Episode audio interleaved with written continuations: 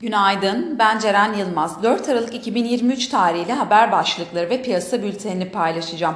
Türkiye Kasım aylık tüketici enflasyonu verisinde Ekim'e göre doğal gaz kaynaklı artış bekleniyor. FED faiz indirimi spekülasyonları gölgesinde altın rekor kırdı. Bitcoin kritik eşiği aştı. İsrail Gazze operasyonlarını genişletirken ABD husulerin Kızıldeniz'de saldırılar gerçekleştirdiğini duyurdu. Çinli gayrimenkul devi Evergrande'in tasfiye duruşması ertelendi. Cuma günkü rallinin ardından ABD tahvilleri ve hisse vadelilerinde bu sabah kayıp yaşanıyor. Piyasalara genel olarak bakacak olursak pay piyasalarında derecelendirme kuruluşu S&P'nin Türkiye'nin kredi notu görünümünü durağından pozitife revize ettiğine ilişkin haber akışı yabancı ilkisinin artabileceğine yönelik beklentilerle bankacılık hisseleri öncülüğünde pozitif fiyatlandı. Rasyonel politikalara geçiş sürerken Borsa İstanbul'da şu anda sınırlı seyreden yabancı alımlarının gelecek dönemde artacağına ilişkin beklentiler Borsa İstanbul'u desteklemeyi sürdürüyor.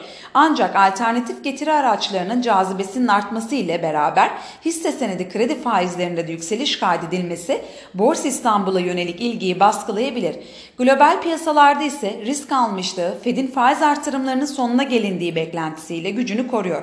Dolar değer kaybederken riskli varlıklar ve emtiada pozitif bir tablo izleniyor. Yeni haftaya başlarken ABD vadelileri ve Alman DAX vadeli satıcılığı Asya endeksleri karışık bir seyir izliyor. Makroekonomik veri gündeminde bugün yurt içinde Kasım ayına ilişkin fiyat endeksleri açıklanacak. Teknik analiz verilerine bakacak olursak gün içinde 7910 ve altına gerileme alım fırsatı, 8170 üzerine düşük hacimli yükseliş ise gün içi satış fırsatı olarak takip edilebilir. Viyop tarafında ise gün içi long pozisyonlar için 8870, short pozisyonlar için ise 9065 zarar kes seviyesi olarak izlenebilir. Borsa İstanbul'un ve endeks kontratının güne pozitif eğilimle başlamasını bekliyoruz. Kazançlı günler dileriz.